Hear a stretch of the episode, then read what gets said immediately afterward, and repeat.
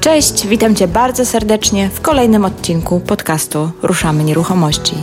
Ja się nazywam Marta Baczewska-Golik i na łamach tego podcastu pomagam osobom zainteresowanym tematyką nieruchomości zrozumieć pewne mechanizmy i prawa rządzące tym rynkiem. Jeżeli podobnie jak ja uważasz, że najlepiej zdobywać wiedzę od praktyków, a nie od teoretyków, to ten podcast jest dla Ciebie i mniej pewność, że wszystkie przeprowadzone tu wywiady są z ludźmi, którzy wiedzę zdobywali poprzez własne doświadczenie. Na rynku jest wiele osób zajmujących się podnajmem. Jednak po tej rozmowie na hasło podnajem od razu Radek Owczarek przychodzi mi do głowy. Powód jest tylko jeden. Radek to taka osoba, która jest niesamowicie konsekwentna w swoim działaniu i ma podejście do biznesu, które ja osobiście bardzo lubię, które jest mi bardzo bliskie. Mówiąc kolokwialnie, po prostu kręci go ten biznes. On go po prostu uwielbia. Opowiada o nim z taką pasją, że jak posłuchasz naszej rozmowy do końca, to jestem pewna, że przynajmniej raz przejdzie ci przez myśl pomysł, że również chciałbyś mieć taką firmę. Co to jest podnajem i jak na nim zarobić, o blaskach i cieniach, plusach i minusach prowadzenia właśnie takiej działalności związanej z podnajmem, bardzo, ale to bardzo szczerej rozmowie opowiada Radek Owczarek. Ale uwaga! Nim zaczniesz słuchać, mam jeszcze mały komunikat. Mam dla Ciebie niespodziankę, jednak musisz wytrwać do samego końca, bo o szczegółach tej niespodzianki opowiem Ci właśnie na sam koniec. Cześć Radek, witam Cię bardzo serdecznie w podcaście Ruszamy Nieruchomości. Cześć, witam serdecznie, nazywam się Radek Owczarek i pochodzę z Wrocławia. Zaprosiłam Radka, po prostu dorwałam go na konferencji hakerzy nieruchomości, bo teraz się znajdujemy akurat właśnie Katowice? W Chorzowie właściwie. Katowice Chorzów. Dorwałam cię gdzieś tam na korytarzu i zgodziłeś się udzielić wywiadu i jestem bardzo za to wdzięczna, dlatego że dosyć mocno zajmujesz się podnajmem, a to jest taki temat, który e, dość mocno interesuje moich słuchaczy oraz osoby, e, ludzi, z którymi gdzieś tam mam styczność w świecie online, więc chciałabym, żebyś no po prostu, wiesz, tak w kilku słowach krótką historię swojej drogi biznesowej, nazwijmy to, opowiedział, ale tej związane z podnajmem, bo przypuszczam, że masz jakieś tam jeszcze inne projekty projekty na koncie, jak każdy z nas, więc skupmy się na tym podnajmie. Moja historia z podnajmem zaczęła się w 2014 roku, w maju i wtedy podjąłem swoje pierwsze mieszkanie we Wrocławiu i już wówczas byłem oczywiście po szkoleniu u Piotra Hreniewicza w Poznaniu. Bo świeżo wróciłem ze Szwajcarii, bo taki miałem epizod w życiu, że po tym szkoleniu Piotra Hreniewicza pojechałem do Szwajcarii do pracy, ale mm, jakby nie chciałem dłużej tam pracować i będąc w Szwajcarii jeszcze zacząłem szukać mieszkań na podnajem we Wrocławiu. I jeszcze będąc tam, już sobie jakby to mieszkanie pierwsze znalazłem. Jeszcze nie mając podpisanej umowy, już ogłaszałem pokoje w tym mieszkaniu. Więc po prostu jak tylko przyjechałem, e, podpisałem umowę, prowadziłem się od razu do tego mieszkania, zacząłem je remontować. To było mieszkanie trzypokojowe, ale jakby wynająłem już cztery pokoje, czyli obiecałem ludziom, że będą cztery pokoje. W, w kilka dni miałem 20 tysięcy na koncie, nowych pieniędzy, jakby takich świeżych, ponieważ cztery osoby płaciły mi kaucję, a trzy osoby z nich e, wpłaciły mi część za cały rok z góry. Super. A powiedz, kiedy to było? 2014 rok, maj. Czyli tak naprawdę działasz w tej branży od... 4,5 roku ponad. I ile mieszkań masz w tej chwili? Wiesz co, yy, około 50 mieszkań w tej chwili. I mówiłeś, że 250 pokoi, tak? No około. Do końca roku może 300 zrobimy.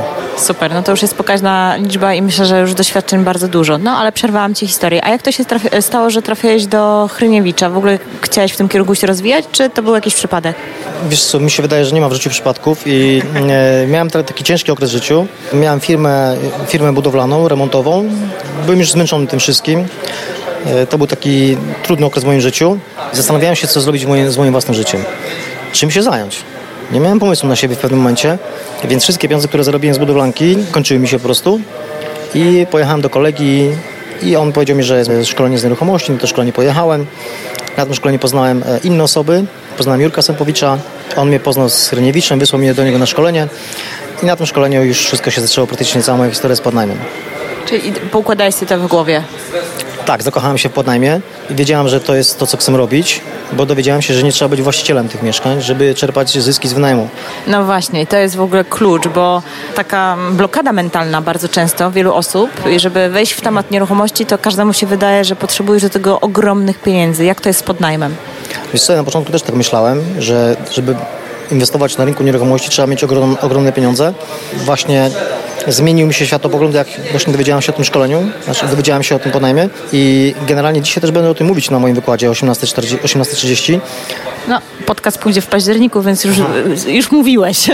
A, spoko. To tłumaczę.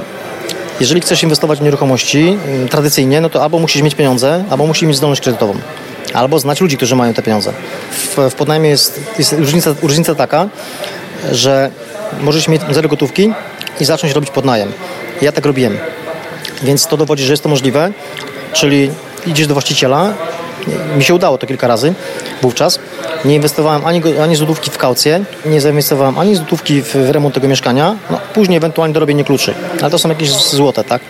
Złotówki, tam kilkadziesiąt złotych. W samo dorobienie kluczy dla tych najemców. Dopiero po roku zainwestowałem w jakieś tam malowanie 400 złotych, natomiast przez cały rok kiedy miałem tą umowę podnajmu, wówczas przynosiło, bo to był rok 2014, to konkretne mieszkanie przynosiło mi tam 600 zł. I wtedy myślałem, że jestem super, no bo kurczę, no nie zainwestowałem e, ani złotówki w remont, e, ani w podpicowanie mieszkania, a mam 600 zł co miesiąc.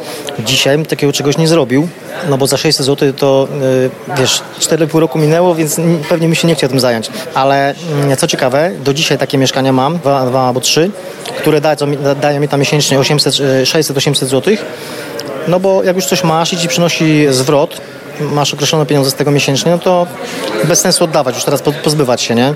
Ale dzisiaj takiego mieszkania już nie wziął. Mhm. Okej, okay, to powiedz mi, jak to dzisiaj robisz. I, i, I, powiedz to też tak w kontekście myśląc o osobach, które ewentualnie chciałyby wejść na ten rynek, nie? to jak wygląda w ogóle taka procedura? Wiesz, począwszy od tego, że jedziesz do właściciela, umawiasz się z nim na co, w jaki sposób i co później z tym mieszkaniem się dzieje? Czy w nie inwestujesz? Jeżeli tak, to ile i tak dalej, i tak dalej. Ja rekomenduję, że powinieneś zarobić z danego mieszkania w, w podnajmie 1000 zł minimum.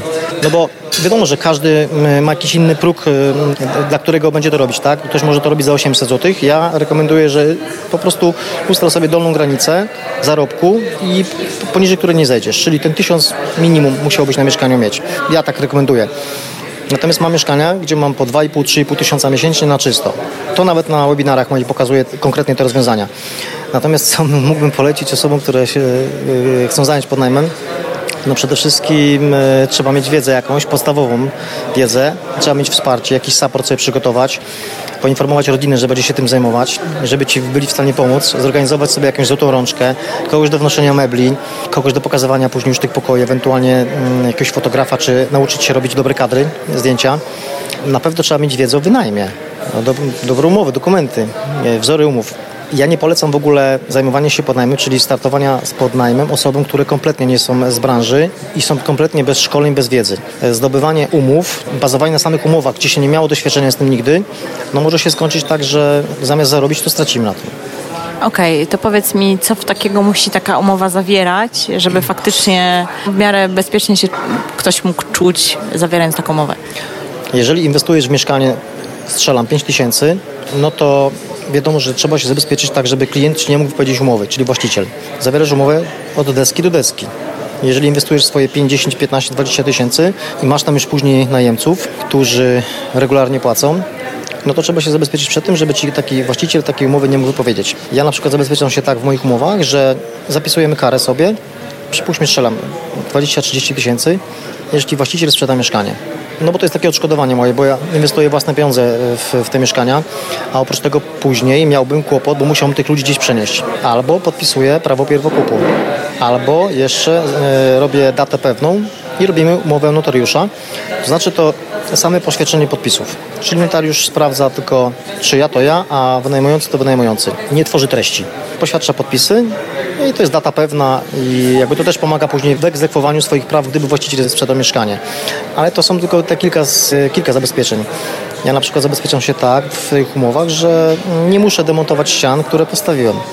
Czyli jak się kończy umowa, czy skończy się umowa kiedyś, bo raczej podpisuję takie umowy długoletnie, żeby właściciel pozwolił mi te ściany już zostawić tam, te zmiany adaptacyjne. Mogę usunąć z mieszkania wszystkie meble, które mi się spodoba. Oczywiście nie płacę kaucji. Dla nowych osób, które zaczynają, będzie ciężkie przeforsowanie niewpłacenie kaucji. No bo e, jeżeli ktoś jest nieznany w ogóle, nie ma renomy, nie można go sprawdzić, zweryfikować i nie ma doświadczenia, no to ciężko będzie mu tak wynegocjować umowę, żeby kaucji nie zapłacić, jeśli się nie ma odpowiedniej wiedzy. Bo jeśli się umie negocjować i wie się, co się chce uzyskać, jakimi technikami, sposobami, ja tego też uczę na szkoleniach, to jesteśmy w stanie wynegocjować, że nie wpłacamy kaucji. Jesteśmy w stanie wynegocjować, żeby klient czy właściciel mieszkania wynajął właśnie nam mieszkanie, a nie gdzieś tam na wolnym rynku za niższą cenę, czyli on woli mi wynająć mieszkanie i osiągać miesięcznie mniej przychodu czy dochodu, niż osiągałby wynajmując to rodzinie, powiedzmy sobie. Jaką ma korzyść z tego? Korzyści ma bardzo wiele. Ma spokój. On wycenia swój spokój na lata. Ma pewne terminowe zyski. Zero problemów. On w ogóle nie przestaje się interesować tą nieruchomością. I jeszcze jestem w stanie wynegocjować karencję w niepłaceniu czynszu, powiedzmy sobie półtora do trzech miesięcy. Nawet to właśnie, żeby móc postawić ściany, wyremontować mieszkanie, zmienić układ mieszkania. Oczywiście na mój koszt, tak, ale on też zyskuje właśnie przez to, że ma wyremontowane mieszkanie. Ja ten standard mieszkania już utrzymuję do końca umowy. I jeszcze mi się zgadza w umowie na to, żebym, żebym ja nie musiał tych zmian cofać czyli zostają mu te ściany, ja nie mam później kosztów, żeby te ściany demontować. Tak, a z drugiej strony dla niego to jest później taki gotowiec inwestycyjny, on ma przygotowane mieszkanie, ja nawet jak wyjdziesz z tej umowy, załóżmy z jakichś przyczyn, no to po prostu ma funkcjonujące, fajne mieszkanie, które może dalej sobie wynajmować w ten sam sposób. Albo sprzedać jako mieszkanie już, yy, załóżmy, że to było mieszkanie trzypokojowe, a dzięki tym zabiegom adaptacji ono ma 4 albo 5 pokoi, więc siłą rzeczy metraż się nie zmienia. Gdyby chciał takie mieszkanie sprzedać, to myślę sobie, że z 20 tysięcy wziąłby więcej za takie mieszkanie. Tylko przez to, że ma więcej pokoi. Tak, zdecydowanie. Może to sprzedać jako gotowiec inwestycyjny po prostu. Tak, dokładnie. I wtedy to jeszcze wzrasta na wartości, no bo to już jest, powiedzmy sobie, w danych przypadkach może to być nawet gotowy działający biznes, tak? Wiadomo, że jeżeli nie idziemy na noże, tak? No bo jeżeli on, ja mu to mieszkanie oddaję i ja się wywiązałem z umowy i on takie mieszkanie ode mnie przejmuje, to może sobie sam później już wynajmować na pokoje, jeśli ma ochotę oczywiście, albo po prostu dalej to komuś innemu podnająć, już jako 4-5 pokojowe mieszkanie. Dobra, a powiedz mi tak z Twojego doświadczenia, bo rozmawiasz z wieloma właścicielami mieszkań, tak? Na ile oni w ogóle mają świadomość funkcjonowania takiego biznesu? Czy w ogóle, wiesz, jak idziesz do takiego właściciela, czy on w ogóle na początku rozumie, o czym ty do niego mówisz? Wiesz, podnajem się staje coraz bardziej popularny. Natomiast ja używam... Ale wydaje mi się, że jednak mimo wszystko w kręgach ludzi, którzy się tym interesują. A teraz sobie wyobrażam, że taki, wiesz, przeciętny człowiek, który ma po prostu, posiada mieszkanie, no to niekoniecznie może, wiesz... Nie wiem. Dlatego trzeba go przygotować, oswoić z tematem, delikatnie go przygotować do tego tematu. Pytanie zabójstwo. Przypuśćmy, idę do właściciela, chcę od niego nająć mieszkanie. Jak za wcześnie wyłoży kartę na stół, to jest porażka. Jeszcze taki klient, który jest nieświadomy, wiesz, jak klient nie zna tematu i go nie rozumie, to się go boi. A jak się go boi, to od niego stroni. No dokładnie. Pierwszy taki lęk jest, no jak to, tu będzie mieszkać wiele osób? Tak, y, to są ich lęki, że tu będą rozruby, że będzie hałas, że będzie policja, że będzie dewastacja, więc no, warto go najpierw przygotować do rozmowy. Ja już przez 4,5 roku naprawdę opracowałem takie techniki, wiem jak z nimi rozmawiać, co powiedzieć, którym momencie powiedzieć, jakie, jakiej barwy głosu użyć, e, kiedy się zaśmieć. Słuchać, to jest wszystko przemyślane głęboko. Cała strategia. Musisz wiedzieć, co negocjujesz i co chcesz uzyskać przy negocjacjach. Czyli kłania się, jak zdobyć przyjaciół, zjednać sobie ludzi, techniki sprzedażowe Briana Tracy, dopinanie sprzedaży właśnie i negocjacje i tutaj trochę, może nie perswazji, tylko takiego mądrego zadawania pytań. Ponieważ jak ktoś zadaje pytanie, to kontroluje całą rozmowę. Ale przy okazji trzeba być dobrym słuchaczem. Czyli klienci się wyżali, on ci powie historię swojego życia, i ty musisz go słuchać, bo to ci później pomoże, bo on między wierszami ci powie o takich y, gorących punktach. I te gorące punkty później zapis, ja zapisuję i pod koniec już rozmowy w negocjacjach opieram się na tych gorących punktach, które on przed paroma minutami wygadał mi się, tak, co go, co go boli, a może właśnie miało ciężką sytuację z tym mieszkaniem, a może no ktoś, ktoś do niego dzwonił, sąsiedzi, a może najemcy no mu dzwonili, y, truli tyłek, bo żarówka się spaliła, a może mu nie płacili na czas, więc on już się tym znudził ale on sam się tobie jakby otwiera się przed tobą i trzeba go wysłuchać. A miałeś takie sytuacje, że ludzie, którzy są bardzo emocjonalnie i sentymentalnie związani ze swoim mieszkaniem, mam na myśli, że to było ich pierwsze mieszkanie, na przykład kupili sobie większe, bo ja, ja mam takie doświadczenie, że te osoby bardzo często mają na tyle dużo, wiesz, dużą relację z taką emocjonalną z tym swoim mieszkaniem, że ciężko im po prostu nad tym przejść. Masz sposoby, swoje triki na to, żeby ich jednak mimo wszystko przekonać, że to nie jest nic strasznego i nic złego się się nie wydarzy? Po prostu trzeba być jakby życiowo podejść do tematu. Miałem takie sytuacje, klient mi się potrafił rozpłakać. Człowiek, który chciał wynająć mieszkanie, mężczyzna, trochę starszy, tam ponad 40 lat, około 50 w sumie. Zmarła mu żona, mm, gdzieś tam się z rodziną poróżnił, natomiast serce w tym mieszkaniu dalej pozostało, prawda? On gdzieś tam inaczej mieszkał i chciał je wynająć. Doszło do tego, że no tutaj będzie wymiana mebli, że jakiś remont, więc te elementy, które tam w tym mieszkaniu tkwiły, czyli jakieś fotele, ława, wyposażenie, no ja będę wymieniać. No i to było dla niego takie, e, taki ciężki moment, że musiałem go przekonać, że nic nie jest wieczne, tak? Coś jedno się kończy po to, żeby ustąpić miejsca temu lepszemu, temu nowemu. I tak z nim rozmawiam, że no, mm, życie jest takie, jakie jest po prostu i warto e, nie żyć w przeszłości, tylko jesteśmy tu i teraz i trzeba iść naprzód. I w ten sposób z nim porozmawiałem. To jest konkretny przypadek. Myślę, że to jest e, taka dobra droga, żeby uzmysłowić człowiekowi, że coś się kończy, żeby nadać sens, jakby, żeby coś nowego mogło przyjść, coś nawet lepszego, prawda? Wiesz, bo mnie często pytają ludzie właśnie jakieś konkretne techniki i tak dalej, a ja często mówię, że w tych negocjacjach to po prostu czasami trzeba być człowiekiem i posłuchać drugą osobę i relacje są tak naprawdę bardzo ważne, bo też wielokrotnie, bo wiesz, ja jestem pośrednikiem nieruchomości i ja miałam wielokrotnie sytuacje, gdzie właściciele, których reprezentowałam, nie chcieli na przykład sprzedać mieszkania komuś, tylko dlatego, że go nie polubili. E, w ogóle dziś to jest element, o którym zapomniałem powiedzieć, a to jest najważniejsze. Jeżeli właściciel mieszkania Cię polubi, to Ci zaufa. Jak Cię polubi, to masz większe prawdopodobieństwo tego, że ugrasz z nim coś lepszego. Czyli albo Ci tanie wynajmie to mieszkanie, albo po prostu pójdzie na Twoje warunki, albo po prostu się lepiej będziecie dogadywać. Jak cię polubi, zaufa ci, no to sprawa jest prostsza i to są, e, ja mam takie z klientami relacje do dzisiaj, staram się takie mieć, że po prostu potrafimy sobie do siebie zadzwonić, bo dzwoni do mnie klient, a co pan do mnie nie dzwoni? Nie? Mówię, no wie pan, wszystko jest ok, czy wie pani, jest wszystko ok, nic się nie dzieje, przebiega wszystko prawidłowo, bo on chce się wygadać, on chce z kimś porozmawiać. No fajnie w sumie, takie miłe, miłe to jest, nie? Wiesz, nie ma, że wiesz, psychologia i terapia jakaś tu nie ma, że... No, y, mi się wydaje, że to jest y, bardzo ważny element, nie? Żeby, żeby klient cię polubił, i zaufał. Wiesz, ja mam takie odczucie, że żyjemy w takich czasach właśnie tych wszystkiego rodzaju szkoleń, tego wszystkiego jest bardzo dużo na rynku i każdy chce takie konkretne narzędzia, rozwiązania, wiesz, tabelki, e, umowy spisane i tak dalej, a czasami po prostu trzeba tak po ludzku pójść i pogadać i to w ogóle działa lepiej niż wszelkiego rodzaju jakieś techniki. Ja mam takie odczucie i zaobserwowałam to wielokrotnie w swojej pracy. Tak, trzeba być sobą, nie wolno się spinać i trzeba być też człowiekiem, przede wszystkim człowiekiem, i wiesz, ja od pewnego czasu mam taką politykę, że nie tylko na swoją korzyść, ale musi być win-win. Czyli tutaj jakby nie, nie, ja zawsze mówię, ludzie mówią, że jest wilk syty i owca cała. Ja zawsze mówię, że nie ma owcy. Są dwa syte wilki. Super. No dobra, a porozmawiajmy teraz o tej drugiej stronie. No bo jedna rzecz to się dogadywać z właścicielami mieszkań, którzy dają tobie tak jakby w najem mieszkanie, ale później ty dalej wynajmujesz to lokatorom. To jest już pewnie troszkę inna historia. Jak to wtedy wygląda? W tej chwili to wygląda tak, że jest, są procedury i są pewne zasady, są umowy konkretne. Umowy z najemcami są tak mm, rygorystyczne do tego stopnia, że czasami się zdarza, że nie chcą podpisywać ludzie tych umów, najemcy potencjalni. Ale one muszą te, te umowy takie być. E, muszą być rygorystyczne, muszą być bardziej jednostronne, czyli na naszą korzyść, niż na ich. Bo mamy takie czasy, że po prostu najemcy potrafią e, wywinąć różne numery.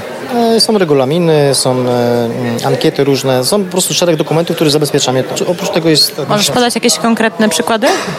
Konkretne przykłady czego? Rzeczy, które zabezpieczacie w umowach. E, no kaucja na przykład jest, wiadomo, to jest podstawa. Jest polisa, nie zgadzamy się na palenie, nie, nie zgadzamy się na trzymanie zwierząt. Polisa OC, każdy musi na Niemca wykupić polisę OC. Nie zgadzamy się na noclegi, zgadzamy się na noclegi, ale nie jakieś pomieszkiwanie osób trzecich, nie, w pokoju. Jest to wyraźnie zaznaczone, że pokój jest przeznaczony dla jednej osoby. Godziny, w których oni mogą się z nami skontaktować, metody komunikacji, tak, mamy infolinię, więc e, no i ogólnie jakby obsługa tak dużej ilości najemców wymaga pewnego systemu. I mamy system, który się nazywa SON, system obsługi najmu, jak sama nazwa. I to jest kombajn moim zdaniem, bo dzięki temu systemowi do administracji zarządzania mieszkaniami i najemcami jesteśmy w stanie obsłużyć tak dużą liczbę osób i się nie zmęczyć. Super. To jest jakaś webowa aplikacja, tak?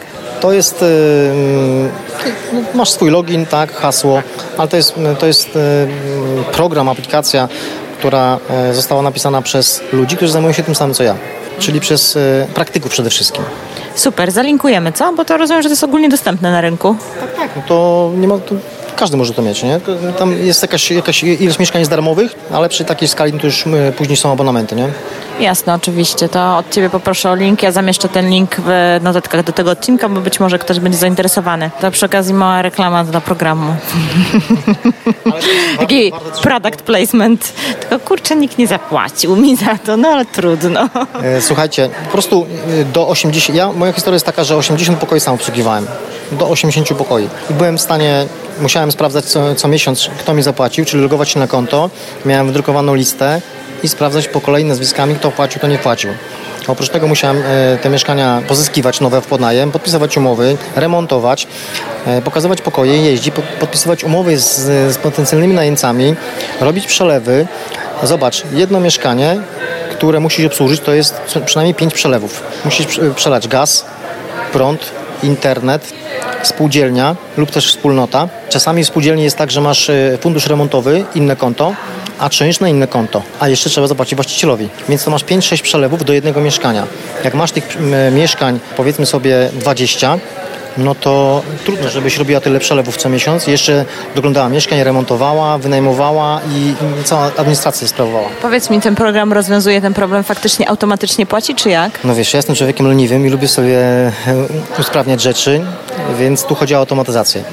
Wszystko się dzieje samo. Super. A powiedz mi, jak rozliczasz media, jak już tak jesteśmy przy rachunkach i tak dalej, jak w mieszkaniu masz 8 osób i tak dalej? Klienci dostają fakturę, Faktura generuje się automatycznie, y, jest wysyłana pierwszego dnia miesiąca. Mam opłaty, oni mi muszą wpłacić na moje konto spółki do piątego dnia miesiąca. Z niektórymi się y, dogaduję, że tam do dziesiątego mają też wypłaty, prawda? To są faktury generowane już z mediami. Czyli jedna, na jednej fakturze jest już pełna kwota, przypuśćmy 1000 zł i tam już w tą kwotę są wliczone wszystkie media. Oczywiście my to dobrze liczymy, czyli ustalamy cenę pokoju, za ile on powinien być wynajęty, wszystkie pokoje w danym mieszkaniu, żeby pokryły media, no i dla, dla nas zysk zostaje, prawda? Jasne, super, dobra. Czyli mieliśmy zabezpieczenia z lokatorami, zahaczyliśmy o temat e, rachunków i rozliczeń, a powiedz mi teraz takie, wiesz, smaczki z życia landlorda. E, jakieś takie, wiesz, największe twoje wyzwania? Największe wyzwania. No to mnie zaskoczyłaś, e, bo tego jest tak dużo, że można książkę napisać, ale jak już trzeba coś powiedzieć konkretnego, tak zaskoczenia, to nagle się ulatnie wszystko z głowy. Ostatnio mieliśmy maila, do biura przyszedł mail, że zginął w mieszkaniu kosz na śmieci. No i ogólnie jest problem. Gdzie jest kosz? Za dwa dni pisze lokatorka maila, Dzień dobry, sprawa e, kosza się wyjaśniła, czy rozwiązała. To są takie śmieszne sytuacje. A gdzie był tak z ciekawości? Nikt nie wie, znaczy oni wiedzą, ja nie wiem gdzie był ten kosz, ale nie wnikałem w to, no bo jak się sprawa rozwiązała, no to się rozwiązała. Ale czasami są sytuacje stresowe, prawda? A dużo masz takich maili, nazwijmy to, z takimi, ja bym powiedziała pierdołami, tak? No. E, wiesz, przede wszystkim ja tych maili już nie, nie ogarniam, dlatego że są ludzie od tego w biurze, mamy jeszcze inne działalności, więc e, mamy biuro, jest cała back office tak zwany, gdzie to są trzy dziewczyny, które non-stop po prostu odbierają mail, odpisują social media, tam gdzieś ogłaszają te pokoje, całą administrację, współpraca ze spółdzielniami, współpraca z właścicielami, e, z księgowością, no jest to wszystko, cała obsługa się dzieje, tak? Trzy, trzy e, dziewczyny to robią. Te maile one też przejmują, odpowiadają na te maile, najemcy mają panel, do którego się mogą zalogować, i zgłosić usterkę, albo napisać po prostu maila. No, często są problemy z jakąś tam pralką, że nie działa. W mieszkaniach mamy kotły gazowe, prądowe, na prąd. Czasami się takie kocie lubi zepsuć w najmniej momencie, więc y, tych awarii czasami jest mnóstwo, wysyp wręcz. No i dlatego musimy mieć tak system poukładany, złotą rączkę, żeby to wszystko na bieżąco było regulowane, naprawiane, co naprawdę czasami jest wyzwaniem. Ale najemcy tego nie, zrozumie, nie, nie rozumieją, bo oni chcą mieć, oni płacą i mają oczywiście prawo żądać, oni chcą mieć w tej chwili. No domyślam się, że jeżeli w mieszkaniu jest 8 osób i psuje się kocioł gazowy i nie mają ciepłej wody, no to, to nie macie jednego najemcy, który wam wisi, tylko 8 osób. Tak, i wtedy wiadomo, że jest y, naprawa kotów, czy hydraulik, czy na przykład pogotowie hydrauliczne, albo kanalizacyjne, pogotowie elektryczne, musi być na stryknięcie palca. A powiedz mi właśnie, jak rozwiązałeś? Masz kogoś zatrudnionego u siebie do takich napraw na stałe? Czy masz może jakieś ubezpieczenia mieszkań, które mają te wszystkie jakieś tam, wiesz, pomocy elektryczne i tak dalej? Mam y, złotą rączkę, która y, reaguje na wszelkie zgłoszenia. Mam elektryka, mam właśnie pomoc hydrauliczną, pomoc y, kanalizacyjną, tak pogotowie. Mamy też całą jakby stworzyliśmy, znaczy stworzyliśmy, po prostu podpięliśmy sobie taką centralkę i najemcy mają ten numer do na infolinie i mm, na przykład serwis pralek, to jest pod firma, pod wykonawca. Czyli najemca dzwoni na infolinię i musi posłuchać, co mówi sekretarka. Jeśli chce zgłosić awarię pralki, wciśnij trójkę. I przekierowuje do, od razu do serwisanta pralek i ten pan odbiera, umawia się z tą osobą i jedzie, tą pralkę naprawia. A powiedz mi w tej centralce, e, ile macie tych punktów?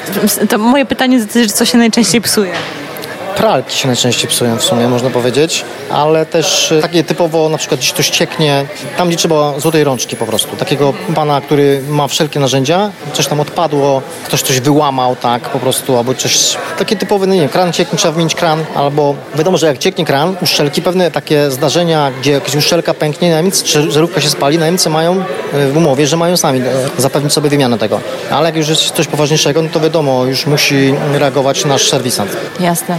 Mówiliśmy o tych największych wyzwaniach, ale powiedziałeś o tym koszu na śmieci, ale później jeszcze tak widziałam, że miałeś coś jeszcze na myśli z takich poważniejszych rzeczy. Tak, na przykład teraz jest okres, gdzie nam najemcy zdają pokoje, zdawali, bo już jakby dzisiaj jest pierwszy, do 31 mieli zdać. W ogóle to powiem tak, prawie 50% najemców, a mam ich 246 osób teraz, przedłużyła umowy. To pokazuje nam, że w sumie nie jest tak źle, jak połowa ci prawie przedłuża umowy. Pokazuje, że idziemy w dobrym kierunku, że te nasze usługi są dosyć spoko, na pewnym y, poziomie, na, na zadowalającym poziomie, że oni chcą u nas mieszkać, że nie chcą zmian, nie chcą szukać czegoś innego. Mimo to, i teraz taki case, jak spowodować, żeby najemca mimo podwyżki 50 zł na czynszu, czyli mieszka u Ciebie, płaci Ci 900 zł, a teraz jak spowodować, żeby został na kolejny semestr, a żeby płacił Ci 950. I taką sobie po prostu wymyśliłem regułkę, tak potrafię tu motywować. Oczywiście wziąłem długopis, tak sobie napisałem to po prostu, co im powiedzieć. Ale oczywiście to nie, mogą być puste słowa, tylko żeby, to jest, to jest kwestia negocjacji i jakby trochę daru przekonywania, więc pomyśl sobie, jak masz 246 najemców i nagle podniesiesz każdemu cenę o 50 zł. Ale no, u nas niecała połowa dostała taką podwyżkę, w sensie podnosimy czynsz i oni z nami zostali. Więc no to są pewne umiejętności po prostu, tak? Jasne. O tych wyzwaniach miałem mówić. No właśnie, zdawanie pokoi wiąże się ze stresem dla nich i dla nas, bo to jest rajd po mieście, to trzeba dobrze poukładać, wszystko zaplanować, natomiast czystość w mieszkaniu, którą oni muszą zapewnić, jak zostawiają mieszkanie, wyprowadzają się, często pozostawia wiele do życzenia. I teraz jak spowodować, żeby oni nie byli wkurzeni, ale żeby posprzątali to, co rzeczywiście do nich należy. Więc polemiki, które się pojawiają i po prostu pretensje, dlaczego on to musi sprzątać, bo to nie należy do niego, a w umowie mamy to, a, a my wymagamy czegoś jeszcze. Więc y, z tym jest y, duży stres dla nich i dla nas, ale my chcemy mieć, żeby oni nam zdawali te pokoje, całe mieszkania wysprzątane, fajnie wysprzątane, ponieważ kolejny najemca jak przyjdzie, bo od września będą się wprowadzać, no chcą też mieć czysto. I teraz my nie możemy dopuścić do tego, żeby nowego najemcy przekazać brudne mieszkanie, bo oni nie będą mieć podstaw do tego, żeby za rok zdać nam czyste mieszkanie. A zresztą już pomijając fakt zapuszczenia mieszkania po prostu z tym jest trochę zabawy, dlatego staramy się ich zmotywować, odpowiednio z nimi porozmawiać. Zdradzisz, jak ich motywujecie? Nie jest żadna tajemnica. Wiadomo, że masz jakiś plan przy takiej ilości osób, żeby zaplanować, żeby to było możliwie jak naj, najłagodniej, żeby to zdanie pokoi się, e, żeby to nastąpiło. Więc już jakby półtora miesiąca wcześniej wysyłamy do nich maile. Takie delikatne, żeby tam nie, nie znerwować ich, takie tylko na pomknięcie, tak? Natomiast im bliżej się zbliża data oddania pokoju, poszedł kolejny mail, został wysłany i parę dni jeszcze przed końcem został wysłany ostatni mail z dwoma załącznikami, jak powinni posprzątać mieszkanie. To jest taka ściąga dla nich, taka pomoc. Mogą sobie wydrukować, mogą sobie nie drukować w smartfonie, mieć ściągę. Wielu z tych ludzi sobie podrukowało i tylko odhaczało konkretne prace. Bardzo to pomogło. Czyli masz porównanie do zeszłych tam sezonów, gdzie... Z każdym sezonem stajemy się lepsi, rozwijamy się i na coś mądrzejszego wpadniemy. I siedzimy razem w biurze, po prostu tam w parę osób i, i się zastanawiamy, jakby to usprawnić, jakby to ulepszyć, jakby to stuningować, nie? ułatwić wszystkim życie. Ale wiesz, ale prawda taka, że znowu wracamy do komunikacji i do miękkich umiejętności. Na pewno trzeba dyplomatycznie rozwiązywać sytuację. Chciałam Ciebie jeszcze zapytać, bo wiesz, podnajem wydaje się być taką strategią, ja mówię, takiego miękkiego wejścia w rynek nieruchomości, tak? Bo z racji tego, że nie musisz inwestować dużego swojego własnego kapitału, no to jest to strategia, która bardzo otwiera drzwi dla wielu osób. Też zauważamy, że sporo osób się zaczęło tym zajmować.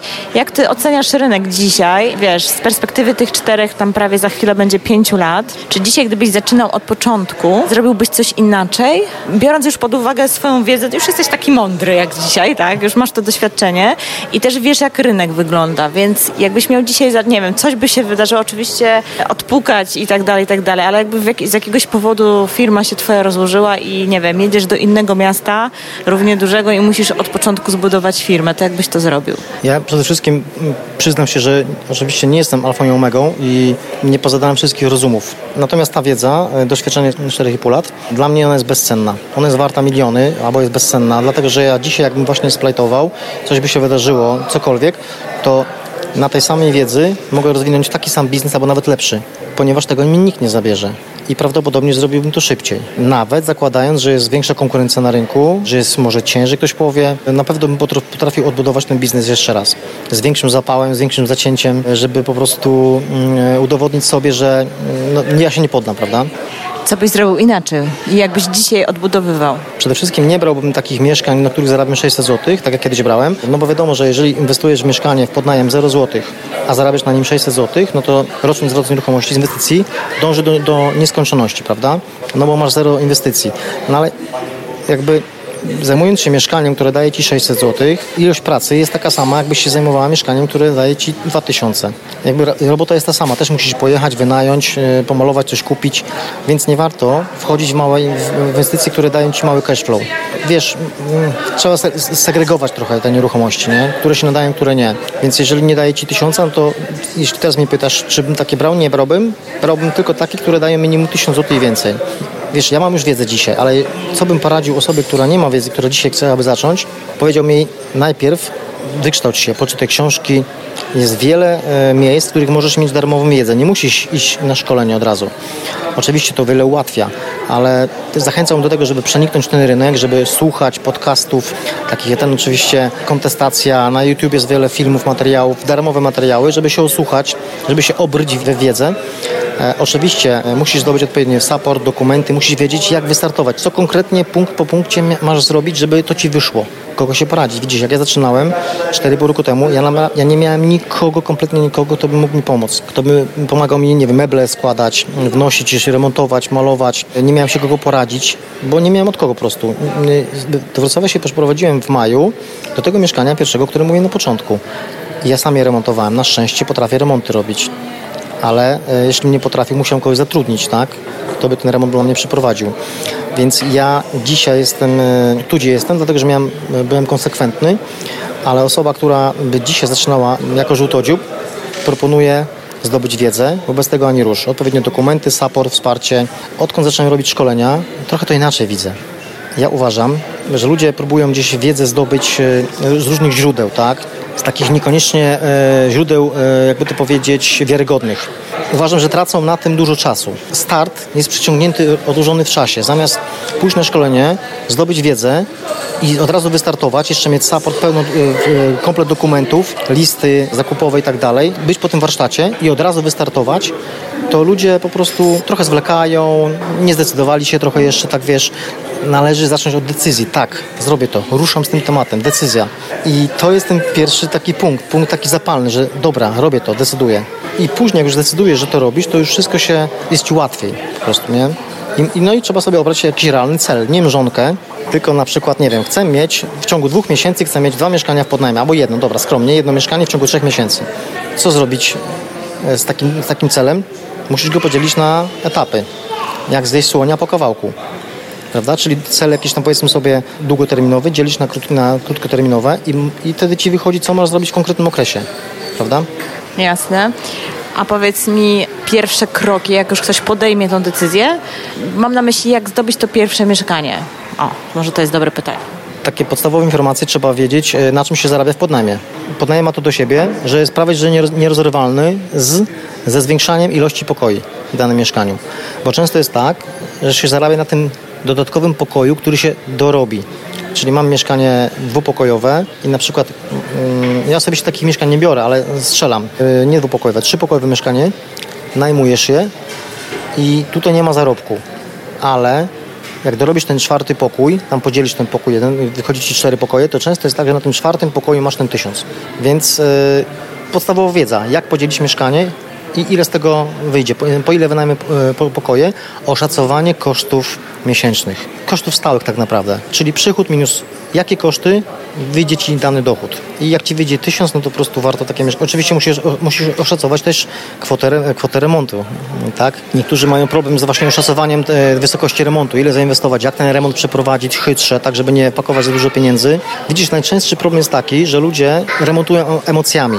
wyposażają mieszkanie i remontują je tak, jakby sami tam chcieli mieszkać. Nie można w ten sposób robić, bo, bo musisz określić, komu to mieszkanie, po co ci to mieszkanie służy. Czyli jeżeli chcesz na nim zarabiać, no to w podnajmie chodzi o to, żeby jak najtaniej zrobić ten remont. W związku z czym trzeba znać pewne triki remontowe, pewne sposoby, żeby ten remont był stosunkowo tani, a żeby był efekt wow. No i żeby zgadzało się w portfelu. Dokładnie, czyli po prostu konsekwentnie trzeba wszystko zbadać, zbadać swój rynek też, po ile chodzą te pokoje, jak to wygląda realnie. Tak, no i też ocenić, ocenić ryzyko po prostu też, prawda? Dokładnie, no i też chyba sobie wytargetować tego klienta, komu będziemy chcieli do końca, e, na koniec dnia, wiesz, jak już wszystko zrobisz, to kto od ciebie to wynajmie? Ja rekomenduję, żeby to, byli, żeby to były osoby do 30 i studenci, młode osoby pracujące do 30, bo to jest taki pewny klient, e, często ja podpisuję, czy tam już moja firma, bo ja już się osobiście nie zajmuję tym, e, dziewczyny podpisują umowy z rodzicami tych studentów. To jest fajne, to jest bezpieczne, e, więc e, no to, to jest przede wszystkim stabilne. Tak? Jeżeli ktoś nie ma pracy, to ja z nim nie podpiszę umowy, prawda? Więc weryfikacja też najemców. No i wiadomo, że oszacowanie ceny pokoju, oszacowanie ryzyka, to są takie podstawy, gdzie też trzeba się z nimi zmierzyć, e, może nie zmierzyć się, trzeba je wziąć pod uwagę, kiedy zaczynasz biznes pod najmu. Jasne. Dobra, Radek, dzięki wielkie. Będziemy kończyć, bo ty chyba e, chciałeś iść na wykład, ale chyba nam przeszedł ten wykład. E, słuchaj, fajnie się rozmawiało, także e, pewnie tutaj lepiej to wszystko wyszło niż jak poszedł na wykład. E, słuchaj, ja myślę, że w ogóle bardzo dużo wartościowych informacji właśnie przekazałeś, także dzięki wielkie za to, że tak się chętnie tym podzielisz.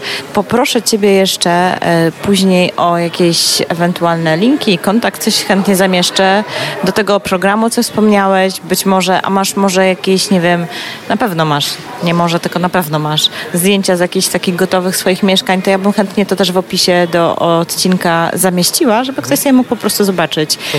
E, na przykład. Mhm. Przed i po szkice z góry, tak? Jak, jak były ściany, a jak są po przebudowie ściany zrobione, czyli jakby mm, proces adaptacji. I tam będzie na tych e, szkicach widać dokładnie, gdzie są te nowe pokoje wyodrębnione, jak one zostały wyodrębnione. Czasami w jak prosty sposób można po prostu zwiększyć e, cash flow na, na jednym mieszkaniu. Super, to wiesz co, y, na pewno jakieś zdjęcia, szkice, może nawet jakiś taki drobny materiał w PDF-ie weźmiemy, zbierzemy i, i będzie do pobrania, żeby ktoś sobie mógł zobaczyć, jak to może wyglądać. Co ty na to? Czemu nie? Możemy to zrobić. Super, fajnie, to dzięki. To jeszcze to ustalimy, a tymczasem żegnamy się ze słuchaczami. Dziękuję serdecznie. Waszym gościem był Radek Owczarek. Wszystkie kontakty i namiary znajdziecie w opisie do odcinka, także e, zaglądnijcie na stronę ruszamy-nieruchomości.pl. Nie wiem jak ty, ale ja zakończyłam tę rozmowę naprawdę zainspirowana Radka historią i jego doświadczeniem, jakim się właśnie podzielił. Jak widzisz, można w kilka lat rozwinąć firmę zupełnie od zera do kilkudziesięciu nieruchomości, z których czerpiesz dochód, pomimo iż nie jesteś ich właścicielem. Często mnie pytacie, czy nie jest już za późno, albo czy rynek już nie jest nasycony, albo już wszyscy to robią. I pewnie macie poniekąd rację, bo z każdym rokiem przybywa firm, co robią podobne rzeczy, ale ile z nich tak naprawdę przetrwa? Ile z nich tak naprawdę koncentruje się na tym, by rozwinąć taką firmę? Radek rozwinął swoją działalność w zaledwie 4 lata doszedł do naprawdę pokaźnych rozmiarów, tylko dlatego, że mu się po prostu chciało to zrobić, że on się na tym koncentrował i nie patrzył na to, czy przybywa konkurencji, czy nie przybywa. Cudów nie ma. Biznesu ze słomianym zapałem na pewno nie zbudujesz. Potrzeba wytrwałości i takiego przedsiębiorczego myślenia. Dlatego razem z Martą Smith stwierdziliśmy, że czas zacząć uczyć przedsiębiorczości, bo to jest klucz do sukcesu w każdej branży. Bez odwagi i wzięcia odpowiedzialności za swoje zarobki nie zrobisz biznesu. Ale skąd wziąć tą odwagę? Moim zdaniem, tylko wiedza i doświadczenie sprawiają, że zaczynasz nabierać takiej biznesowej pewności siebie. Z wiedzą nie ma problemu, możesz ją zawsze uzupełnić i zdobyć na różnego rodzaju szkoleniach. Natomiast jeżeli chodzi o doświadczenie, no to najlepiej zdobywać je poprzez własne działanie. Dlatego też stworzyłyśmy kurs na pieniądz dla osób, co chcą wejść na rynek ze swoimi pomysłami biznesowymi i krótko mówiąc, nie wtopić. O tym, jak rozwinąć biznes krok po kroku, przetestować bezkosztowo, czy mój pomysł chwyci, jest właśnie kurs na pieniądz. Po więcej informacji wejdź na stronę bit.ly ukośnik zaplanuj biznes. Śpiesz się, śpiesz, bo kurs rusza już całkiem niedługo, bo pierwszą edycję rozpoczniemy 12 listopada 2018 roku, a tylko ta pierwsza edycja będzie prowadzona przez nas na żywo. Także jakbyś chciał lub chciała z nami popracować na żywo nad Twoim pomysłem biznesowym lub nad Twoim biznesem, być może chcesz go wrzucić na tak zwany poziom wyżej, level up wprowadzić większą skalę automatyzacji albo nowy produkt lub usługę do swojego biznesu, no to zapraszamy na pierwszą edycję właśnie kursu na pieniądz, bo tylko ta będzie prowadzona przez nas na żywo. I teraz obiecana niespodzianka dla słuchaczy mam specjalny bonus 200 zł zniżki. Jedyne co musisz zrobić, to już przy uzupełnieniu danych do płatności wpisać w miejsce kod rabatowy słowo RN bonus. RN od skrótu ruszamy nieruchomości. Bonus, no wiadomo, od bonusu. Wszystko z małych liter. RN bonus. Wówczas kwota pomniejszy się o 200 zł. Niezależnie od tego, jaki pakiet wybierzesz. Natomiast ważne jest, bo bonus nie dotyczy płatności ratalnej.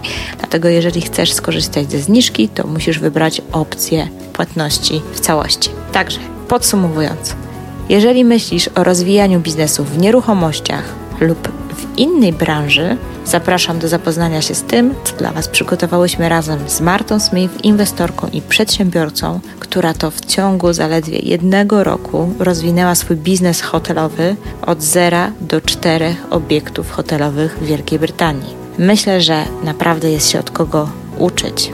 Wejdź teraz na stronę bit.ly zaplanuj biznes i zobacz szczegóły, a jeżeli dziś prowadzisz i nie możesz, to absolutnie nie wchodź z komórki na tą stronę, bo chcemy, żeby było bezpiecznie. Zawsze możesz wrócić do notatek do tego odcinka i tam również znajdziesz link do tego kursu. Cóż mi więcej pozostaje? Mam nadzieję, że z niektórymi z Was, moi drodzy słuchacze, poznamy się na pierwszej edycji kursu na pieniądz, że będziemy mogli troszkę wspólnie popracować, porozmawiać i powymieniać się doświadczeniami. A tymczasem do usłyszenia niebawem.